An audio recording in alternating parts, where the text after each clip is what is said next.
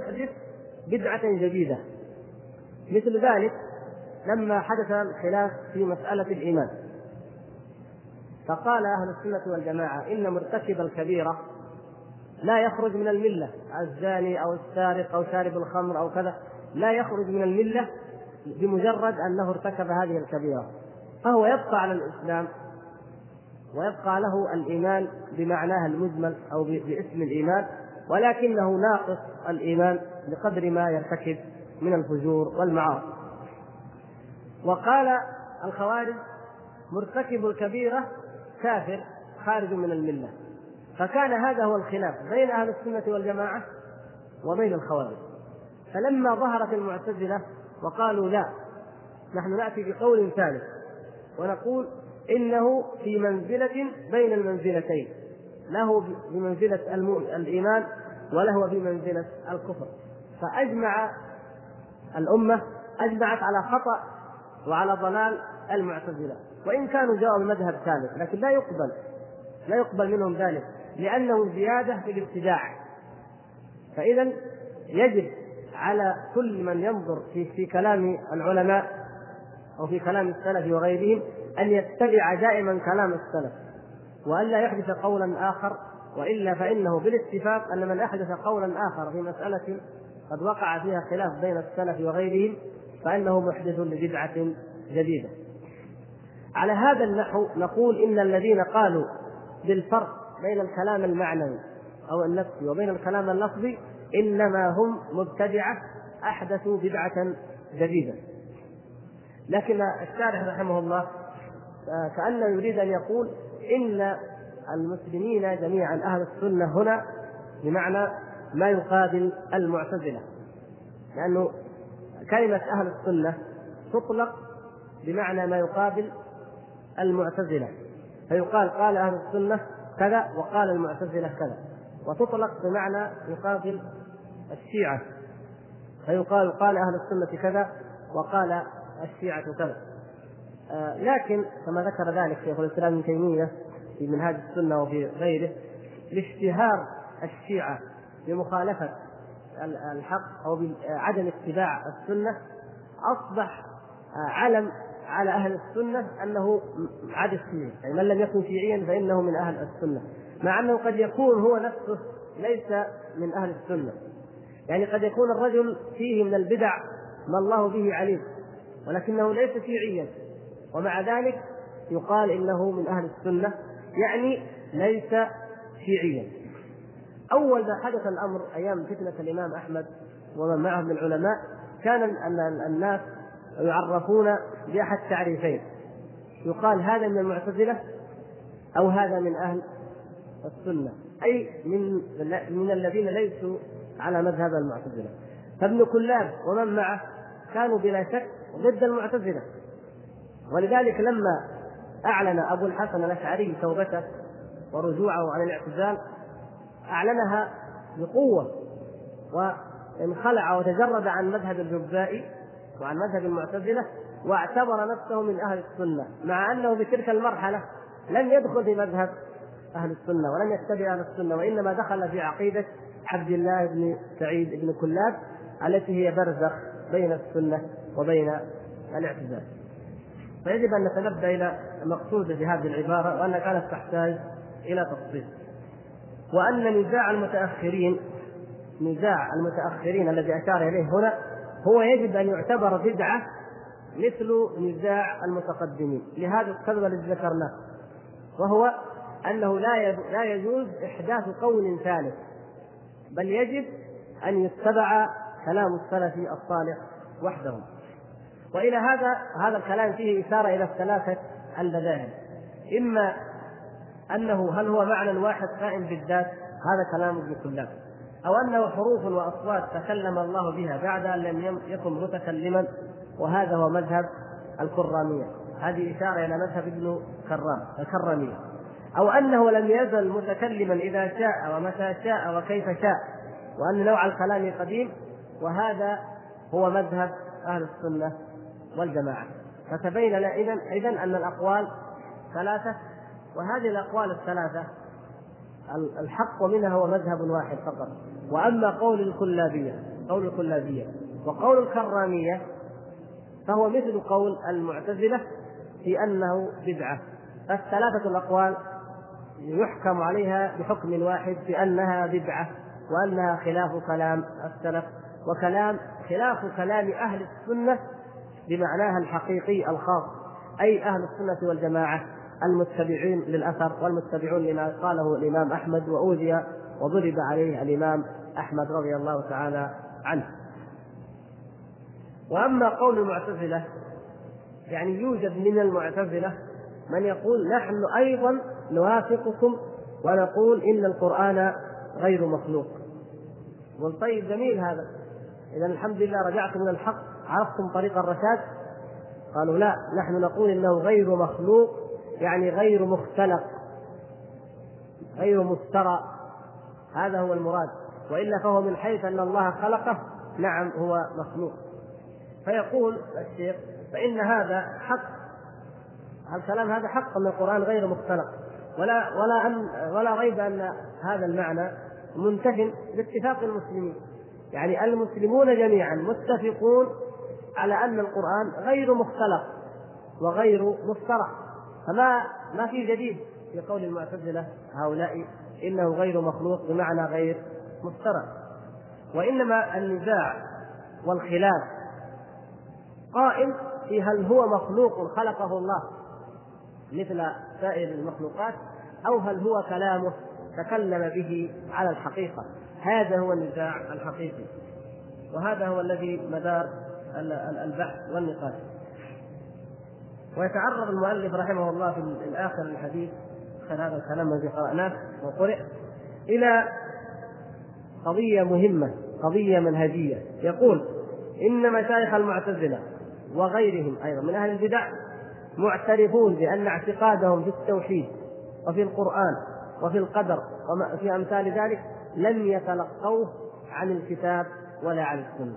لا عن الكتاب ولا عن السنة ولا عن أئمة الصحابة والتابعين وإنما يزعمون أن ذلك مما دل عليه العقل. نعم هذا هو أساس الداء وهذا هو أساس البلاء والضلال والابتداع. أن المعتزلة يقولون البراهين العقلية أو العقل يقطع بأنه يستحيل أن تقوم الحوادث بذات الله. كما سيأتي إن شاء الله في عرض الشبهات التالية فيما بعد فيقولون اذا العقل يدل على أن هذا القرآن ليس كلام الله لأن هذا كلام آه، إذا قلنا إنه كلام الله فمعنى ذلك أن الحوادث تقوم بذات الله وهذا منتف أو هذا مستحيل على الله تبارك وتعالى. ما الدليل على هذا القول؟ هل هناك دليل من كتاب الله؟ هل هناك دليل من سنة رسول الله صلى الله عليه وسلم؟ هل قال أحد من الصحابة أو التابعين؟ لا إنما يقولون يدل على ذلك العقل البراهين العقلية القطعيات. وفي الحقيقة إن هذا العقل ليس هو عقل فلان ولا فلان من المعتزلة المعتزلة وغيرهم. إنما هذه العقول هي عقول الوثنيين المشركين من اليونان. وهؤلاء نقلوا كلام اليونان وأدخلوه في دين أهل الإيمان فأفسدوا به العقول. والشيخ رحمه الله تعالى يقول لو ترك الناس على فطرهم السليمة وعقولهم المستقيمة لم يكن بينهم نزاع.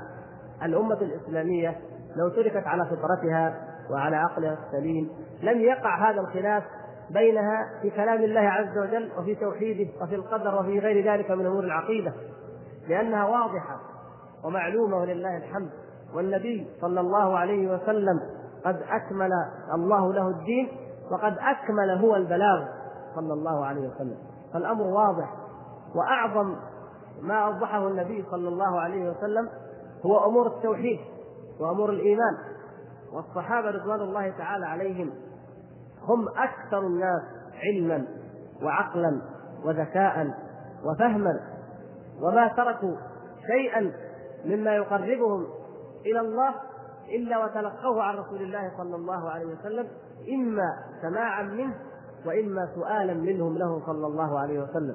فهم أكمل الناس ايمانا ومن مار في ذلك أو جادل في ذلك فلا شك في ضلاله وفي زيغه وإلحاده. فإذا هؤلاء الذين على هذه الفطرة لو بقيت الأمة لو بقيت الأمة الإسلامية على هذه الفطرة النقية لما وقع الاختلاف. لكن جاء هؤلاء فقالوا نحكم عقولنا. وفي الحقيقة إنما حكموا عقول الجاهليين المشركين اليونان وغيرهم. ويقول الشيخ فإن الشيطان ألقى هذه الأغلوطة من الأغاليط وأمثالها. الشيطان تعاون على ذلك شياطين الجن والإنس. الشيطان هو الذي سول لعمرو بن عبيد واصل بن عطاء ولابن كلاب ولغيرهم. أن يخرجوا عما كان عليه السلف الصالح رضوان الله تعالى عليهم وأن يقولوا بهذه أن رد كلام الله عز وجل أو بالتأويلات لكلام الله عز وجل وكلام رسوله صلى الله عليه وسلم. وإلا فإن الفطرة القويمة والعقل السليم يقطع بأنه لا بيان أوضح من بيان الله عز وجل ولا حديث بأي حديث بعده يؤمنون. فلا حديث بعد القرآن يؤمن به وفيه الحجة والبرهان الساطع والدليل الواضح في جميع ما اختلفت فيه الأمة من المسائل. ولكن هؤلاء الناس المعتزلة وغيرهم وقع الشقاق وقع الخلاف في الأمة لما أنجروا وراء الأهواء اتبعوا أهواءهم وأخذوا يلوكون في كلام الله عز وجل ويقولون فيه كما يشاءون ويتقولون على رسول الله صلى الله عليه وسلم بما يريدون. وإذا جاءهم أحد وقال هذا كلام رسول الله صلى الله عليه وسلم أو كلام الصحابة أو التابعين يوضح كلام الله ويبين القرآن قالوا هؤلاء حشوية هؤلاء نقلة ينقلون كالببغاوات ينقلون الكلام ولا يفهمون معناه ولا يعرضونه على عقولهم. وقد سبق أن أوضحنا أن الرد إلى العقول رد إلى الحيرة وإلى الضلال وإلى الشك. فأي عقل يرجع إليه الناس؟ الناس تتفاوت عقولهم في الأمور المشاهدة. حتى في الأمور المشاهدة بالعين تتفاوت عقول الناس.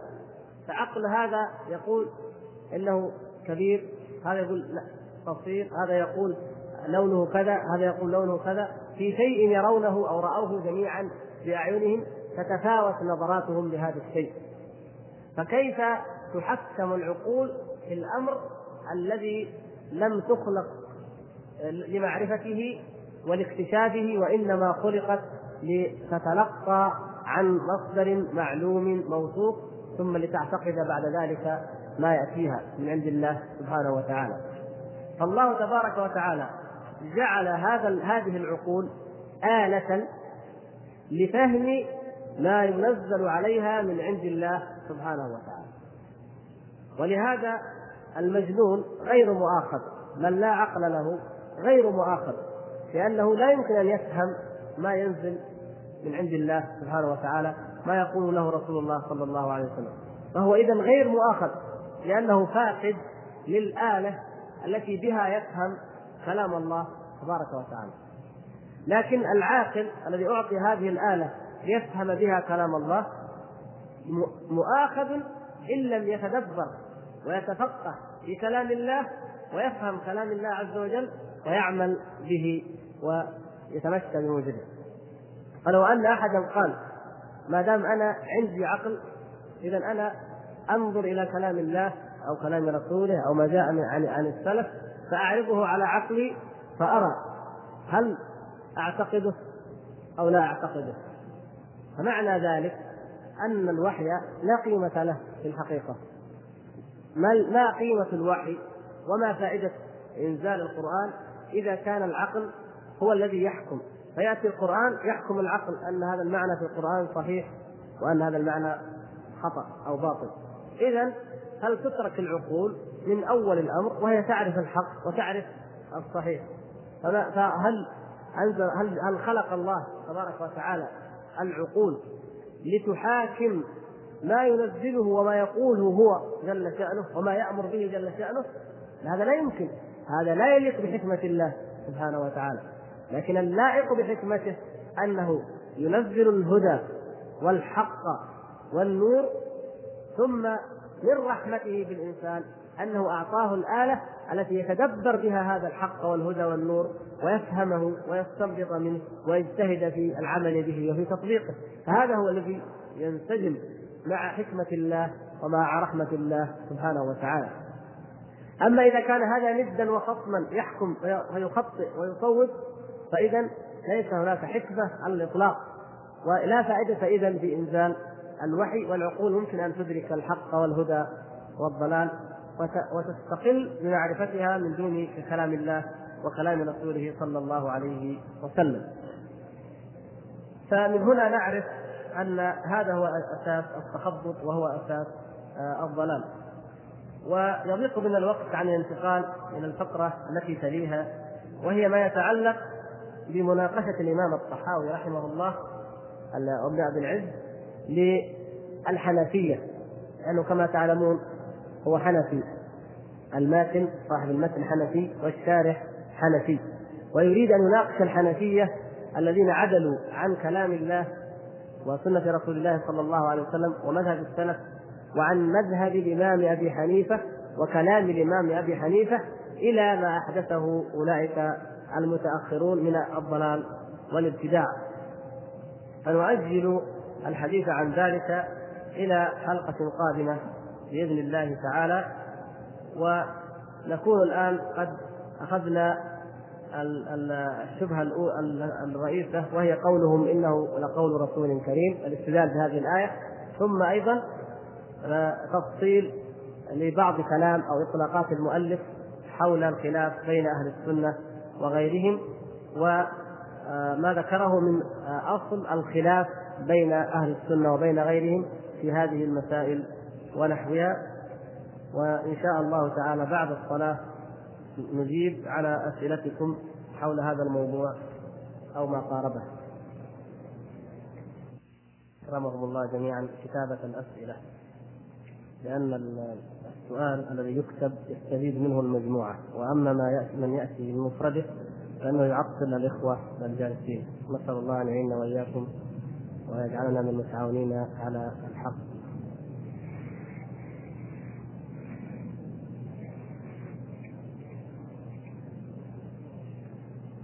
أحد الإخوة سأل سؤالا من الحلقة الماضية أو أو هما أخوان لكن اتفقا على هذا السؤال. أريد أن أفهم كيف هو كلام الله تعالى وقد تكلم به بشر. الآية أنا ربكم الأعلى وهذا قد قاله فرعون وليس الله تبارك وتعالى. أفيدونا جزاكم الله خيرا. كلام الله عز وجل القرآن إما أنه سبحانه وتعالى تكلم به مبتدئا من عند نفسه كما في قوله تعالى الحمد لله رب العالمين الرحمن الرحيم الفاتحة أو البقرة وأكثر القرآن. وإما أن يكون الله تبارك وتعالى يقول على لسان أحد يحكي هذا يسمى في اللغة العربية الحكاية يحكي كلام أحد من الناس. يقول تعالى وقالت اليهود يد الله مغلولة. يد الله مغلولة. هل الله عز وجل يصف نفسه بأن يده مغلولة؟ تعالى عن ذلك. قال بل يداه مبسوطتان. لكن يقول وقالت اليهود يد الله مغلولة. من قائل؟ من من القائل؟ وقالت اليهود يد الله مغلولة. الله عز وجل. قائلها هو الله يقول إن اليهود قالوا هذا الكلام. قال أنا ربكم الأعلى. فرعون ما ما يقول قال أنا ربكم الأعلى. فرعون يقول أنا ربكم الأعلى. لكن الله عز وجل يقول قال أنا ربكم الأعلى أو مثلا ما علمت لكم إله غيري أو ما أو ما أشبه ذلك. فهذا الكلام الله سبحانه وتعالى هذه الآية هي كلام الله والله سبحانه وتعالى يقولها عن أولئك الناس. ولو لم يقلها الله عز وجل لما علمنا ذلك ولما نسبنا إليهم. أو لو أن النبي صلى الله عليه وسلم هو الذي أخبرنا أن فرعون قال ذلك. قلنا قال رسول الله صلى الله عليه وسلم قال فرعون كذا أو قال الخضر. مثلا قصة الخضر وموسى ذكرها لنا النبي صلى الله عليه وسلم وذكرت أيضا في القرآن.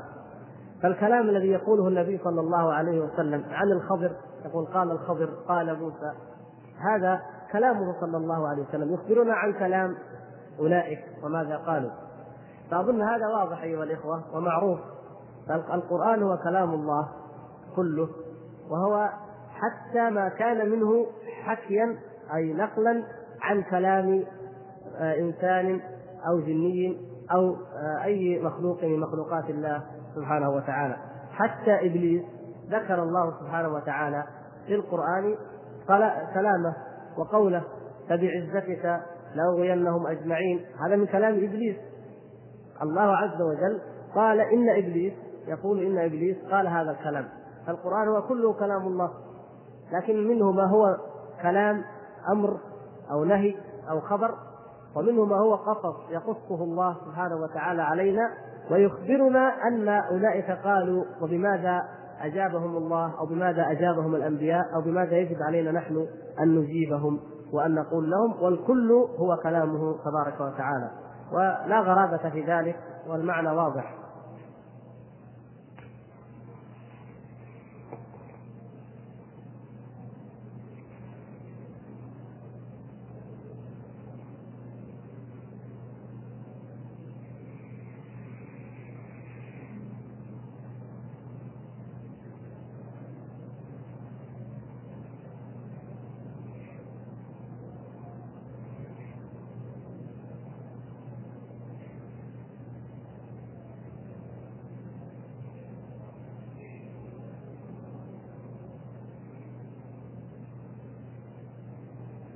اخ يقول عند ظهور أصحاب الكلام الذين أحدثوا هذه البدع والمذاهب الكثيرة التي تجعل الناس في حيرة ماذا كان موقف العامة منها؟ هل أخذوا منها أم كانوا على مذهب أهل السنة والجماعة؟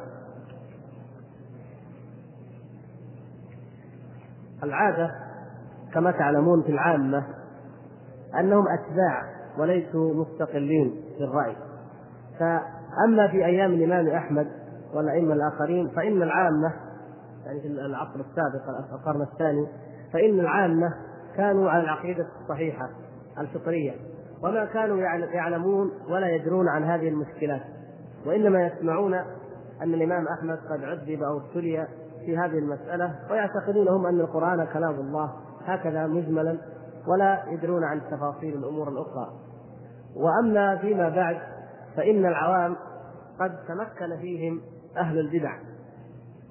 يعني المعتزلة مثلا لم يكن لهم عوام لأن الاعتزال فكرة عالية.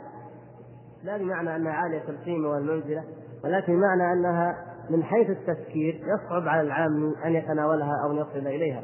فهي فلسفة وجدل وكلام. فبقي الناس لا يفهمون كلام المعتزلة وبقي المعتزلة طائفة من مما يسمى الآن الطبقة المثقفة في المجتمع.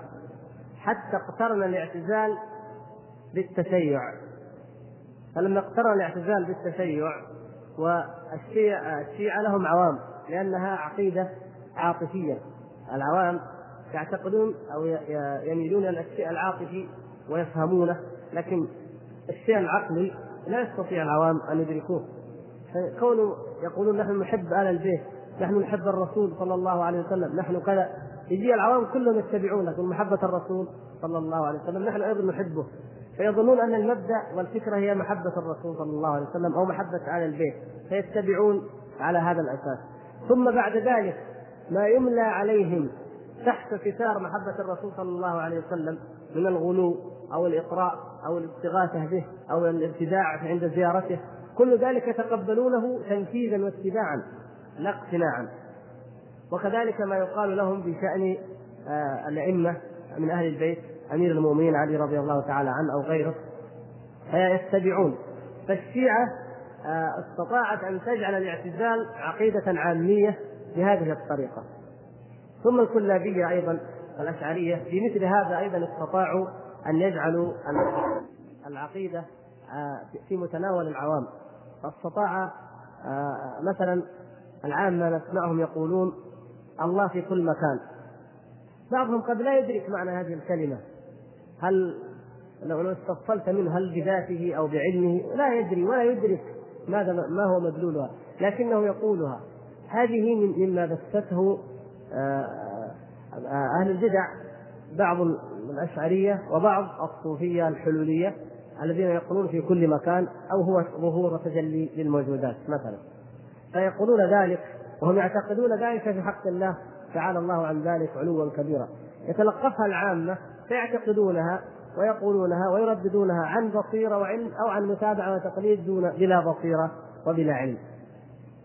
وهكذا يعني تختلف البدع وتختلف العصور بالنسبة لموقف العامة.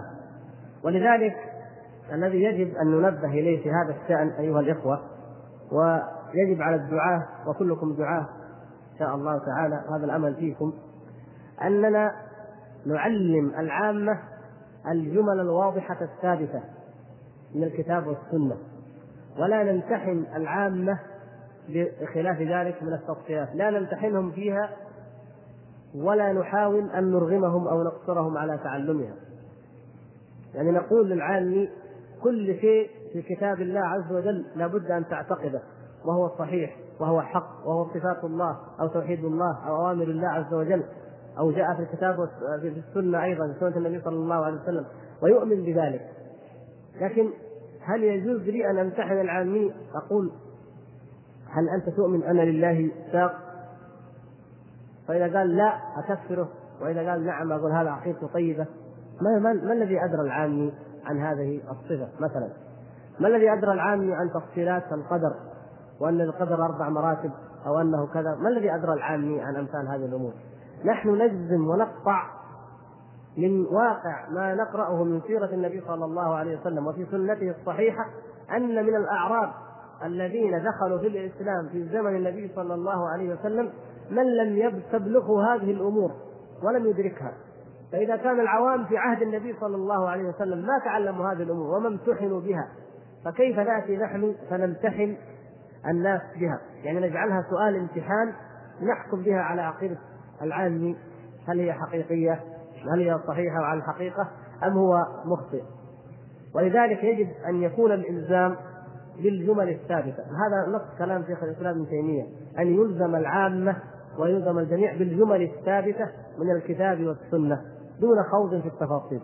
ولا يجوز امتحان المسلمين في الأمور بالأمور الدقيقة. الأمور الدقيقة التي هي من اختصاص أهل العلم. هذه لا يجوز أن تعرض على العامة وعلى هذا نفهم كيف أنكر من أنكر من السلف كالإمام مالك ومثله نحو ومن قبله. كيف أنكروا أن يعرض على العامة أو قال كرهوا الخوض في الصفات أو الحديث في الصفات أمام العامة؟ يعني هل هل, هل كرهوا أن يعلم العامة التوحيد توحيد الأسماء والصفات؟ لا أبدا. هم يعلمونهم ويقرؤون الناس يقرؤون الفاتحة وهي فيها صفات الله عز وجل. يقرؤون آية الكرسي وهي أعظم آية في كتاب الله وهي كلها صفات لله عز وجل. ليس هذا هو المقصود ولكن المقصود هو أن يقال لهم الأمور التي لا يمكن أن يفهموها أو لا يستوعبوها. لو نحن نقرأ على العامة حديث النزول مثلا يجب أن نقرأه. ونقول ما نقرأه؟ نقرأ أن الله ينزل في آخر كل ليلة إلى السماء الدنيا فيقول هل من داع هل من مستغفر هل من سائل؟ ونقرأ الحديث ونبين لهم ونشرح لهم وأن هذا وقت مبارك وعظيم وكذا. ونقول لهم إن نزول الله سبحانه وتعالى كما جاء في الحديث ينزل ولكن العقول لا تدرك النزول ونحن لا نستطيع أن نفهمه لأننا لا نعرف ذات الله عز وجل فكيف نعرف صفات الله عز وجل؟ وهكذا من امثال هذا الكلام ونمشي لكن لا ندخل في التفاصيل التي ذكرها شيخ الإسلام ابن تيمية مثلا في شرح حديث النزول. نقض لكلام الأشعرية أو الحلولية وهل يخلو العرش أو لا يخلو هل كذا كذا كيف الفلك كيف هذه الأمور يعني حتى نحن لو لم نفهمها نحن لما ضرنا شيء. لكن يجب أن يكون فينا من يعلمها. يجب أن يكون فينا من يعلمها. لكن يجب أن نعلمها جميعا؟ لا. يجب أن نمتحن بها الناس؟ لا. من ذات اولى لأنه إذا كان في طلاب العلم من لا يجب عليه أن يتعلمها فكيف نقول إن يجب على العامة أن يتعلموها؟ ولذلك يا إخوان يجب أن نحذر من الابتداع لأن الابتداع ليس فقط ليس الابتداع فقط في اختلاق أو إحداث ما لم يأتي به النبي صلى الله عليه وسلم بل يدخل الابتداع أيضا في فهم ما جاء به النبي صلى الله عليه وسلم بأن يجعل الأول في الآخر والآخر في الأول. لو أن أحدا جعل السنة واجبا وألزم الناس بها أو جعلها مكفرا لكان أيضا هذا بدعة. وما وأمثال ذلك. فالبدعة تشمل كل إحداث وليس فقط مجرد ما أحدث على خلاف الموجود ولكن حتى البدعة الإضافية. كما تعلمون هي جزء ونوع وقسم من أقسام البدعة. فمن الابتداع ما جاء به الخوارج. مثلا الخوارج أليسوا مبتدعة؟ ماذا قال الخوارج؟ يقولون من يشرب الخمر كافر. طيب هذا كلام فيه قوة في التمسك بالدين أليس كذلك؟ إذا قلت أنت الإنسان إذا شربت الخمر فأنت عاصي هل يخاف أكثر؟ ولا إذا قلت إذا شربت الخمر فأنت كافر؟ من يخاف أكثر من هذا الذي يكفره. لكن هذا بدعة. لماذا؟ لأن الله عز وجل جعله عاصيا فقط ولم يجعله كافرا. فأنت تقول كافر تزيد أيضا وقعت في الابتداع. وهذا هو حقيقة مذهب الخوارج. مع أنهم هم أشد طوائف الأمة اجتهادا في العبادة. ولم يتقبل الله عز وجل منهم معناها واهتموا بمعناها وفهموه. لكن نعم لم يفهموا منها التشبيه. نعم لا يمكن لأنهم قرأوا أيضا ليس كمثله شيء وهو السميع البصير. لكن إذا كانوا يتكلمون في المعاني نعم كانوا أفقه الناس وأعلم الناس بلغتهم ونزل بلغتهم وهو كلام بين في آه، منتهى الوضوح آيات الصفات جميعا. فهؤلاء هم الصنف الأول. الصنف الثاني بعض الذين آه، أرادوا أن ينزهوا الله لكن على غير علم وعلى غير بصيرة فقالوا نؤمن بالتفويض في المعنى والكيفية. السلف يفوضون الكيفية. كيف استوى؟ عليه الاستواء معلوم ولكن الكيف غير معقول. أو مجهول.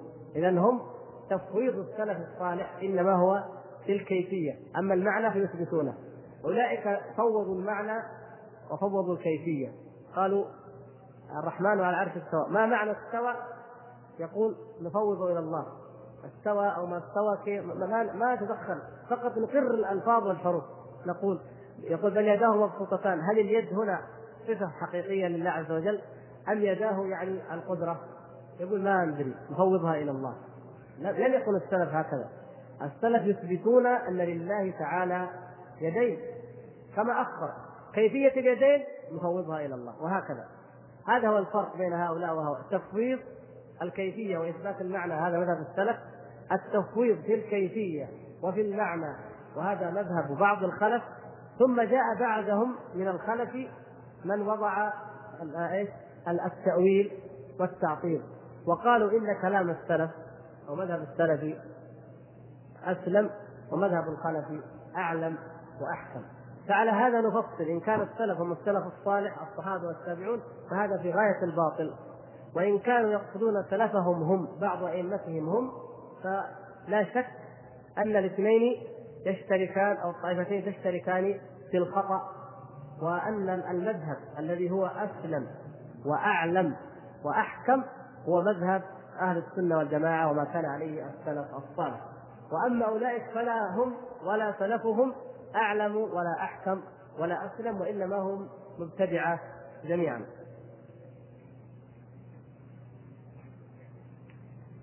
لو تكتب بارك الله فيك. الأخ يقول آه، آه، قلت إن السلف قد فهموا جميع آيات القرآن. وإنهم لم لم يفوضوا المعاني فماذا تقول قولهم في الحروف الموجودة في أوائل السور؟ الله أعلم بمراده.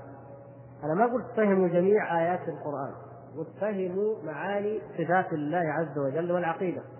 لكن أما أما مثلا الحروف المقطعة هذه ليس كل السلف قالوا والله أعلم بمراده. منهم من فسرها منهم من يعرف من عرف قال هذه آه، الله عز وجل يقول العربي قاف ألف لام ميم مثلا صاد نون. يقول إن هذا القرآن من جنس كلامكم مركب من هذه الحروف. كما أن كلامكم مركب من هذه الحروف فعليكم إذا فإذا كنت عليكم أن تؤمنوا بهذا القرآن وإن كنتم مصرين على ألا تؤمنوا فإن هذا يعني التحدي لكم بأن تقولوا مثل هذا القرآن الذي هو مركب من جنس حروفكم. هذا قول لبعض السلف وبعض العلماء. البعض الآخر قال إن هذه الحروف لها معاني وهي أنها آه، آه، المقصود بها إثارة الحس إثارة حس السامعين لأنها لم تعهد ولم تعرف في أساليب العرب والعرب إذا سمعوا شيئا خارج الحس وخارج المألوف يعني يصغون إليه ثم بعد ذلك يأتي الكلام من بعده فيكون أوقع في نفوسهم. وبعضهم قال فسرها بغير ذلك وهكذا تفسيرات مختلفة. المقصود أنه آه، آيات الصفات كان الصحابة رضي الله تعالى عنهم يفهمونها ويعلمونها وأن لها معاني لكن الكيفية هذه الله تعالى أعلم بها.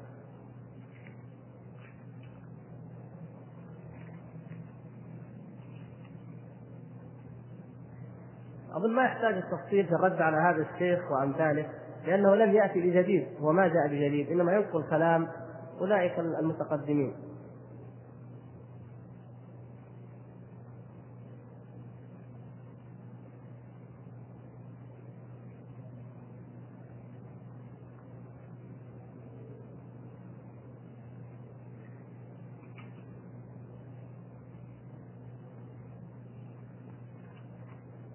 هل هناك توحيد يسمى توحيد المتابعة؟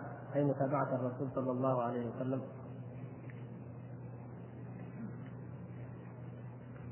أقسام التوحيد أو أنواع التوحيد كذلك أقسام الشرك وأنواع الشرك. هذه أمور آه، علمية اجتهادية. يعني يمكن الإنسان يقول الشرك كذا وكذا. يمكن أن يقول الشرك في القرآن يطلق على ثلاثة أنواع على أربعة أنواع. أو التوحيد يمكن الإنسان أن يقول التوحيد نوعان مثلا توحيد المعرفة والإثبات وتوحيد مثلا في العبادة. يجي واحد يقول التوحيد ثلاثة أنواع توحيد الاسماء والصفات توحيد الربوبية توحيد الألوهية. بعضهم يقول التوحيد أربع أنواع ويدخل فيها توحيد المتابعة.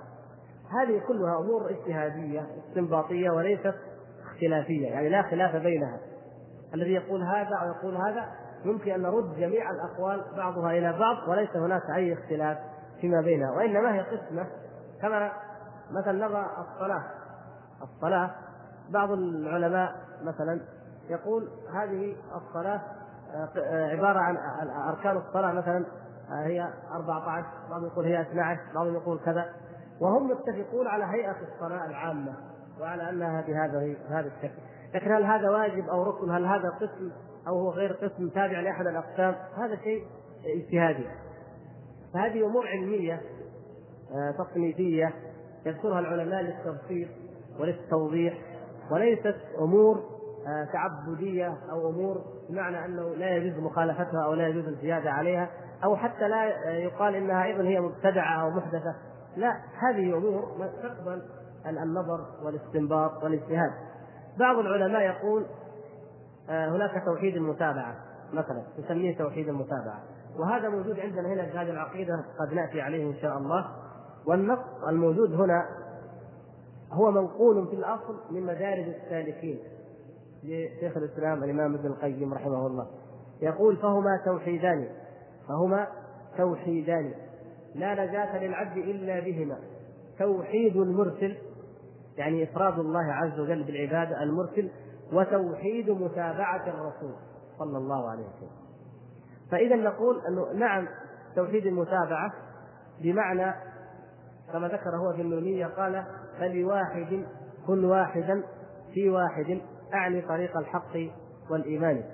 الإنسان الذي يتبع النبي صلى الله عليه وسلم وحده يعني يفرد النبي صلى الله عليه وسلم بالمتابعة والتلقي فلا يحاكم كلامه آه، آه، إلى كلام أحد من الناس ولا يأتي إلى كلام أي إنسان أي بشر كائنا من كان ويعارض كلامه بكلام النبي صلى الله عليه وسلم يعارضه كلام الرسول صلى الله عليه وسلم بكلام هذا المخلوق ويرد هذا بهذا. يا أيها الذين آمنوا لا تقدموا بين يدي الله ورسوله. وما كان لمؤمن ولا مؤمنة إذا قضى الله ورسوله أمرا أن يكون لهم الخيرة من أمرهم. فإذا لا بد أن يحكم الرسول صلى الله عليه وسلم. فلا وربك لا يؤمنون حتى يحكموك فيما شجر بينهم. فيحكم النبي صلى الله عليه وسلم بالاتباع. فيتابع صلى الله عليه وسلم لأنه لا طريق لنا إلى توحيد الله ومعرفة الله وعبادة الله إلا من طريقه صلى الله عليه وسلم. لا طريق لنا غيره صلى الله عليه وسلم أبدا. لا أصحاب العقول والتفكير أهل الكلام ولا أصحاب الكشوفات والعلم الباطن والأحلام والمنامات والإلهامات كل هؤلاء لا ليسوا طريقا إلى الله ولا إلى معرفة الله ولا عبادة الله وإنما هو طريق واحد هو متابعة الرسول صلى الله عليه وسلم. ولهذا بعضهم يسميه توحيد المتابعة بعضهم يقول هو توحيد تحكيم النبي صلى الله عليه وسلم في كل أمر من الأمور وأمثال ذلك.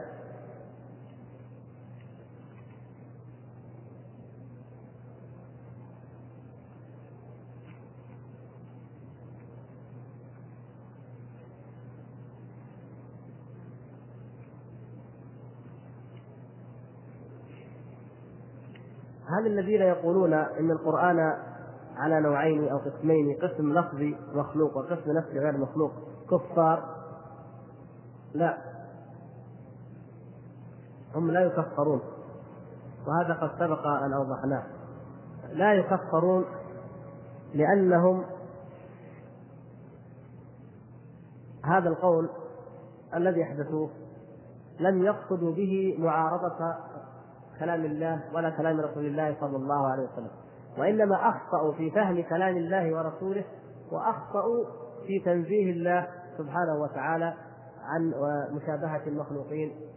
فبنوا آه هذه الإنكار بنوه على قاعدة قاعدة خطأ وهي قولهم إن الله تعالى يتنزه عن الحوادث والمحدثات أو إن الله سبحانه وتعالى آه كما سبق أن قلنا لأنه يتنزع عن الحيز التحيز أو الجسمية فإذا أثبتنا له ذلك أثبتنا له كذا. هذه هذه القواعد التي وضعوها قواعد مجملة ملبسة فيها الحق وفيها الباطل فبنوا عليها هذه الأصول دون قصد معارضة كلام الله ورسوله صلى الله عليه وسلم. ومن هنا نقول نبين خطأهم بذلك نبين أنهم مخطئون ولكن لا يكفرون. إلا كما سبق أن أوضحنا إلا من كان منهم كفره أو كلامه أو مقالته عن عناد وقصد لمحادة النبي صلى الله عليه وسلم أو لمحادة الإسلام في ذلك بمعنى أنه زنديق في الباطن منافق في الباطن هذا هو الذي يكفر من هؤلاء.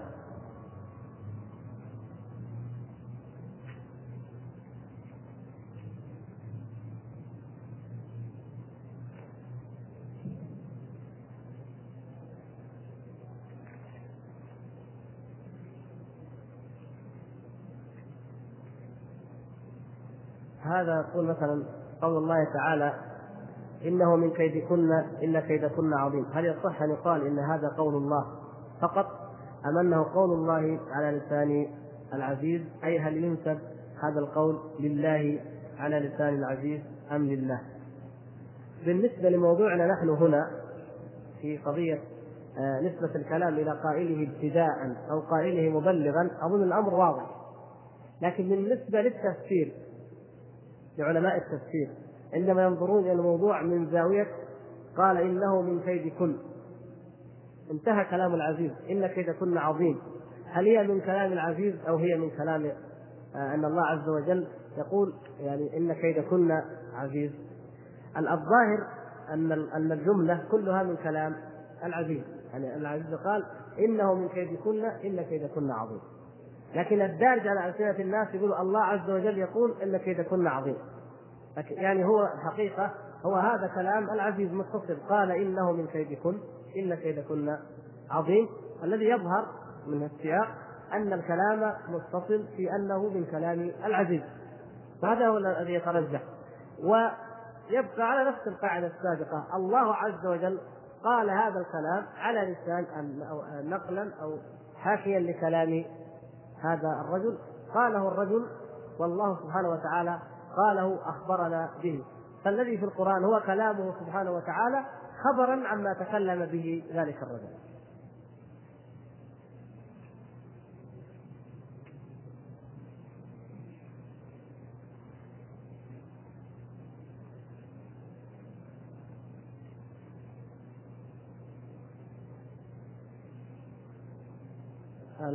أثنان من الإخوة سأل عن حديث عن قول مجاهد في عسى أن يبعثك ربك مقاما محمودا وأن العلماء لم يصححوا هذا الأثر. هو الكلام في هذا الحديث أو هذه القضية وأسباب أو ما ما ذكره الكوثري مثلا أو ما ذكره غيره فيها يطول لكن المقصود أن الله سبحانه وتعالى لم يأمرنا أن نتعبد إلا بالحديث الصحيح حتى ان احدكم سأل. قال هل يجوز التعبد أو أن يحتج بالحديث الضعيف في العقيدة؟ لا في العقيدة ولا في الأحكام. إنما يكون العمل والعقيدة للحديث الصحيح. فهذا الحديث ما دام اولا انه لم يصح. وثانيا أنه من كلام أحد التابعين وليس من كلام النبي صلى الله عليه وسلم. ومن كلام مجاهد فنحن ليس لسنا آه، لا نأخذ به. ولا ولا يعتبر ولا يعتبر هذا من عقيدة أهل السنة والجماعة. لكن المقصود هو أنه العرش قضية العرش نفسها إثبات العرش وإثبات أن الله سبحانه وتعالى يأتي يوم القيامة على العرش هذه القضية نفسها ليست ليست متوقفة على ثبوت حديث مجاهد أو أثر مجاهد. فهذا هو الذي لما ذكر الذهبي في العلو يذكر الذهبي رحمه الله في العلو ما يدل على علو الله سبحانه وتعالى. فالمسألة عنده أعم من قضية العرش أو الإجلاس على العرش. ولذلك لما عقب الأخ فقال إنه هل يصح تفسير الاستواء بالاستقرار على العرش؟ آه، خصوصا وقد نقل ابن القيم في النونية هذا القول عن السلف ونقل ابن عيسى في شرح النونية أن البيهقي روى بإسناده إلى ابن عباس آه، في قوله ثم استوى على العرش تقول استقر على العرش. يعني قلت أنا إنه هذه الكلمات الأربعة على وارتفع واستقر وصعد منقولة وواردة عن السلف. وكل القرآن إنما يفهم من خلال لغة العرب. والاستواء الذي قال الإمام مالك أنه معلوم في لغة العرب هو ما ما هو في حدود هذا المعاني هذه المعاني الأربعة. فاللفظة معروفة معناها معروف. أما الكيفية فهي التي مجهولة أو غير معقولة لأن الكلام في الكيفية فرع عن الكلام في الذات. فمن لم يستطع ولن يستطيع أحد أن آه، يعرف كيفية صفات كيفية ذات الله سبحانه وتعالى فكيف يعرف كيفية صفاته سبحانه وتعالى؟ لا تدركه الأبصار وهو يدرك الأبصار. وهو اللطيف الخبير. حتى إذا رؤي وهو كما نعلم جميعا المؤمنون يرون ربهم يوم القيامة. حتى مع رؤية المؤمنين لربهم يوم القيامة وهي ثابتة بالكتاب والسنة لا تدركه الأبصار وهو يدرك الأبصار. يعني مجرد الرؤية ليس إدراك ليس إدراكا لحقيقة ذات الله عز وجل حتى مع أنهم يرونه. فكيف في هذه الدنيا؟ مع أن أحدا لن يرى ربه عز وجل حتى يلقاه ولم يره. فكيف يكون خوض العقول في الكيفية؟ فلذلك نقول كما قال السلف أنه لا يمنع تفسيرها على لغة العرب وكما ورد عن السلف في تفسيرها لا مانع من ذلك. استقر على ارتفع صعد. هذه لكي يفهم المعنى. لكن اتصاف الله عز وجل كيفية اتصافه بهذا المعنى تبقى هي لا يمكن للعقول أن تصل إليها. نحن نؤمن بالله سبحانه وتعالى بلا شك في ذلك لكن رأيناه هل عرفنا ذاته؟ لا لم نعرف ذاته ذات الله عز وجل ولكن نؤمن به. بل دون ذلك الجنة وهي مخلوقة من خلق الله كما أننا نحن من خلق الله. يقول النبي صلى الله عليه وسلم فيها ما لا عين رأت ولا أذن سمعت ولا خطر على قلب بشر. يعني مهما أعمل العقل البشري جهده في أن يتصور الجنة فإنها لا يمكن أن تخطر. في هي هي يعني أشد وهي هي أعظم من أن تخطر على خيالك أو على عقلك. فإذا كانت هذه وهي مخلوقة لله عز وجل لا يستطيع العقل البشري أن يتخيلها. فكيف بالله سبحانه وتعالى؟ وهو أعظم كل شيء سبحانه.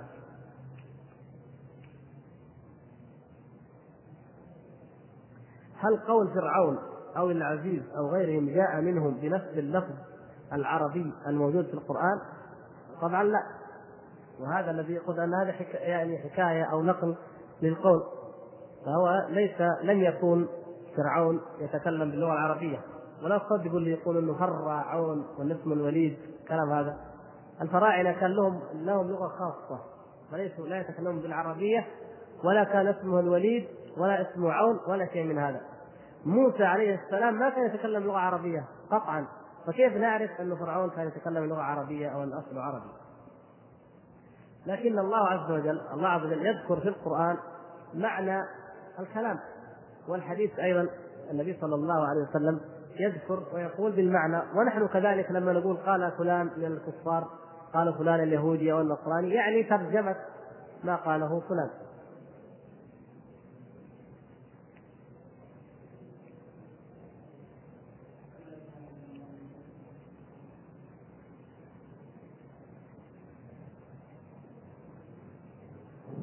هناك رجال يعرفون الله حق المعرفة وهم من أهل الصوفية والكشوفات وطريقهم كله تأدب مع الله وهم دائما سالكون في طريق رسول الله صلى الله عليه وسلم وهم دائما أهل السلوك الظاهر آه، دانوا بأرواحهم آه، إيش؟ دانوا بأرواحهم وأفنوا أعمارهم في ذكر الله رغم أنهم من أهل العلوم الباطنة وهم من كبار أهل الصوفية. أفيدونا أفادكم الله. الأخ ما سأل حتى نفيده عن أي شيء لكن يحق لنا أن نعترف. طيب. سبحانك اللهم وبحمدك أشهد أن لا إله إلا أنت أستغفرك